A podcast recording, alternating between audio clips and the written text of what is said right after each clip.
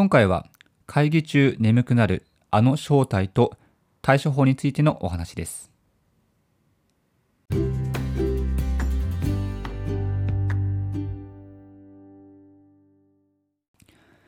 皆さん、こんばんは。ヒロトのふらっと独り言。本日もお話始めていきます。はい。えー今日は土曜日なんですけども、まあ土日休みの方からしたら今日は休日ですよね。はい。皆さんは今日どういった休日を過ごされましたでしょうか？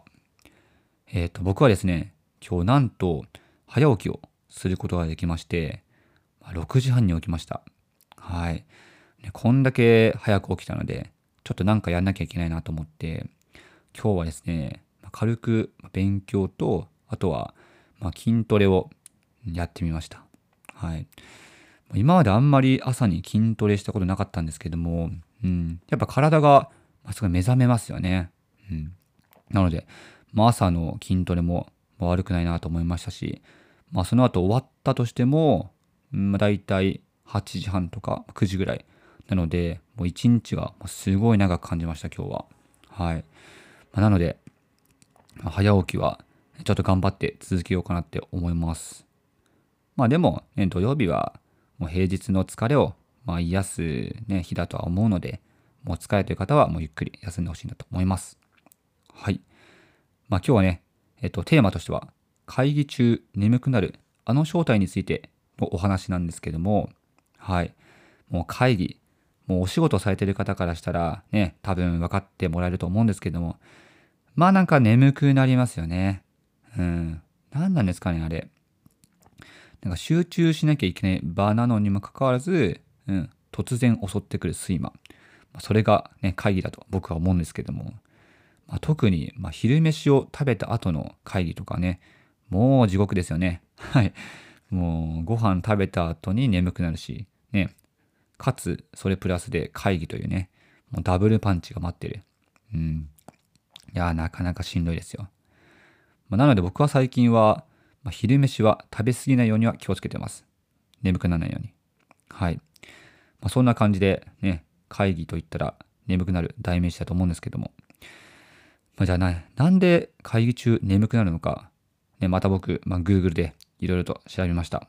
はい。今日はですね、まあ、3つご紹介したいと思うんですけども、まあ、まず1つ目はですね、うん、これは単純にもう寝不足、うんまあ、日頃の寝不足が、ま、そのまま会あの会議中で、ね、睡魔として、まあ、訪れるという感じです。まあ、あとはですね、会議中っていうのは基本的に、まあ、座っていて、ね、動くことってほとんどないので、そうすると、その神経の、まあ、副交感神経っていうのが、なんか活発に働くみたいで、うん。まあ、副交感神経って、まあ、リラックスさせる要素があるので、うん、それで眠くなってしまう、うん、みたいですよ。はい。まあ二つ目は、会議室の二酸化炭素の濃度が上がるからとありました。うん。これはすごい科学的なんですけども、やっぱり会議って、その密室の中にもう何人も何人も集まって、まあ議論やら、まあプレゼンやらすると思うんですけども、まあそんな中でね、もうみんながもう呼吸をするわけですよ。はい。そうすると、その密室の中のの酸素の濃度っていうのが下がって、うん、そうするとね、まあ、新鮮な空気っていうのはなかなか取り入れるのが難しいので、まあ、それで眠くなってしまう。うん、そういう、まあ、原因も一つあります。はい。まあ、あとはですね、まあ、これは単純にもう話がつまんない。もしくはそもそも興味がない。はい。まあ、これもね、原因の一つとしてありました。うん。やっぱね、自分が興味あることに対しては、ね、すごい意欲を持って聞けると思うんですけども、なんかもう話してる内容もちょっと退屈だし、ね、自分もあんま興味ないしっていうものに対しては、なんか脳がね、あんまり、まあ、刺激を受けないみたいなんですよね。うん。まあ、それこそ興味あることとか、まあ、好きなことに関しては、なんか脳から、ね、ドーパミンっていうのがバンバン出てきて、ね、集中力めちゃめちゃ上がってるみたいな。まあ、そんな状態になるんですけども、なかなかね、会議ってなると結構まあ真剣な話をするので、うん。まあ、それは難しいですよね。なので、まあ、とりあえずは、この原因の一つ、うーんと、三つか、としては、こんな感じになってます。ううん。まあそうですね、そんな、まあ、眠くなる会議だと思うんですけども、うん、ちょっとまあね、いろいろ改善点を、あの僕は、うん、いろいろ調べてみました。はい。まあ、改善点というか、まあ、会議の挑む前にできることですね。はい、今回は。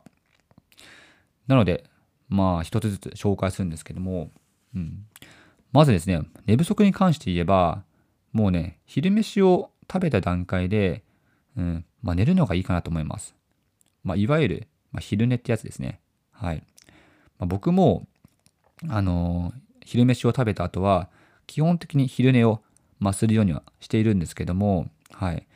まあ、といっても、オフィスの中で寝るわけにはさすがにいかないので、もうね、ここ、まあ2年ぐらいで、うん、まだ2年経ってないんですけども、はい。もういろんなところ探しました。もう一番最初が、まあこれもね、ベタだと思うんですけども、ま、トイレで寝てみたり、だトイレだとね、うーん、なんかね、寝つけないので、まあ公園とか、うん、まあ近くにあるんですけども、そこに行ってみたり、うん。あとは、もう最近ね、あのー、まあ、近くにショッピングモールができたんですよ。うん。まあ、駅地下にオフィスあるんですけども、まあ、そこの結構上の階に、まあ、ベンチがあるんですね。本当にもたれかかれるベンチがあって、そこで寝ると、もうね、本当に気持ちよく昼寝できるんですよ。はい。なのでね、非常にいい施設ができたなということで、最近はそれで仮眠を取るようにしてます。まあ、本当にね、もう15分から20分ぐらいの仮眠を取ると、脳が非常にスッキリするみたいなんですよ。うん。これがもう、もう1時間とかね、そこらまで寝ちゃうと、まあ、深い眠りに入ってしまうので、まあ、起きた時になんか体がだるかったりとか、まあ、するんですけども、なんか短時間の、ま、睡眠だったら逆になんか仕事のパフォーマンスも上がるみたいなので、はい。僕はこれを実践するようにしてます。うん。もちろん会議前にもね、非常にいいと思います。はい。で、2つ目がですね、やっぱどうしても、うーん、あ密室の中のね、密閉空間か。はい。密閉空間の中を、うん、どうにかしようっていうのは、まあ、難しいと思うので、まあ、そんな時には小手先のテクニックがあります。はい。まあ、これもいろいろ調べたんですけども、まあ、いわゆるツボですね。うん。なんか手のツボを押すと、なんか血流が良くなるとかあるじゃないですか。うん。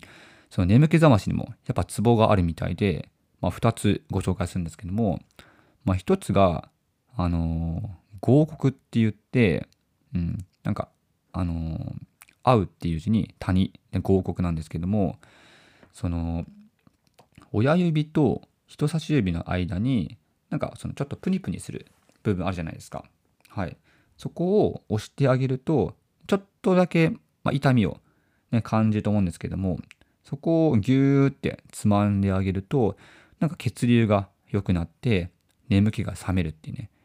まあそんな感じで、うん、言われてます。はい。あとはですね、老朽って言って、まあこれは、まあ労働の労に、まあ給料の給。なんかもう、まあ、サラリーマンのためにある言葉、ね、みたいな感じなんですけども。これはですね、えっ、と、まあ、手のひらの真ん中あるじゃないですか。でそこに、だ溝みたいなのがあるんですよね。よく探してみると。多分ぜひとも、あのー、ね、押してみてほしいんですけども、そこを押すと、ちょっとな痛いなみたいな、うん、部分があるので、だそこが老朽だと思うんですけども、うん、そこを、まあね、数秒押してもらうと、うん、これもまた眠気覚ましになるみたいです。はい。なので、ね、僕も、ちょっとね、今度会議があったら、早速実践してみようかなと思うんですけども、はい。とりあえずは、まあ、小手先のテクニックもあるということでご紹介しました。はい。あとはなんか耳たぶを、うん、触ったりするのも、まあいいみたいですね。うん。なかなか会議中に耳たぶ触るって、まあ、まあ、でき、できるか。うん。できるので、まあ、ぜひともね、ここら辺の3つやってみてほしいなと思います。はい。えっ、ー、と、最後、3つ目ですね。うん。話がつまらない、興味ない。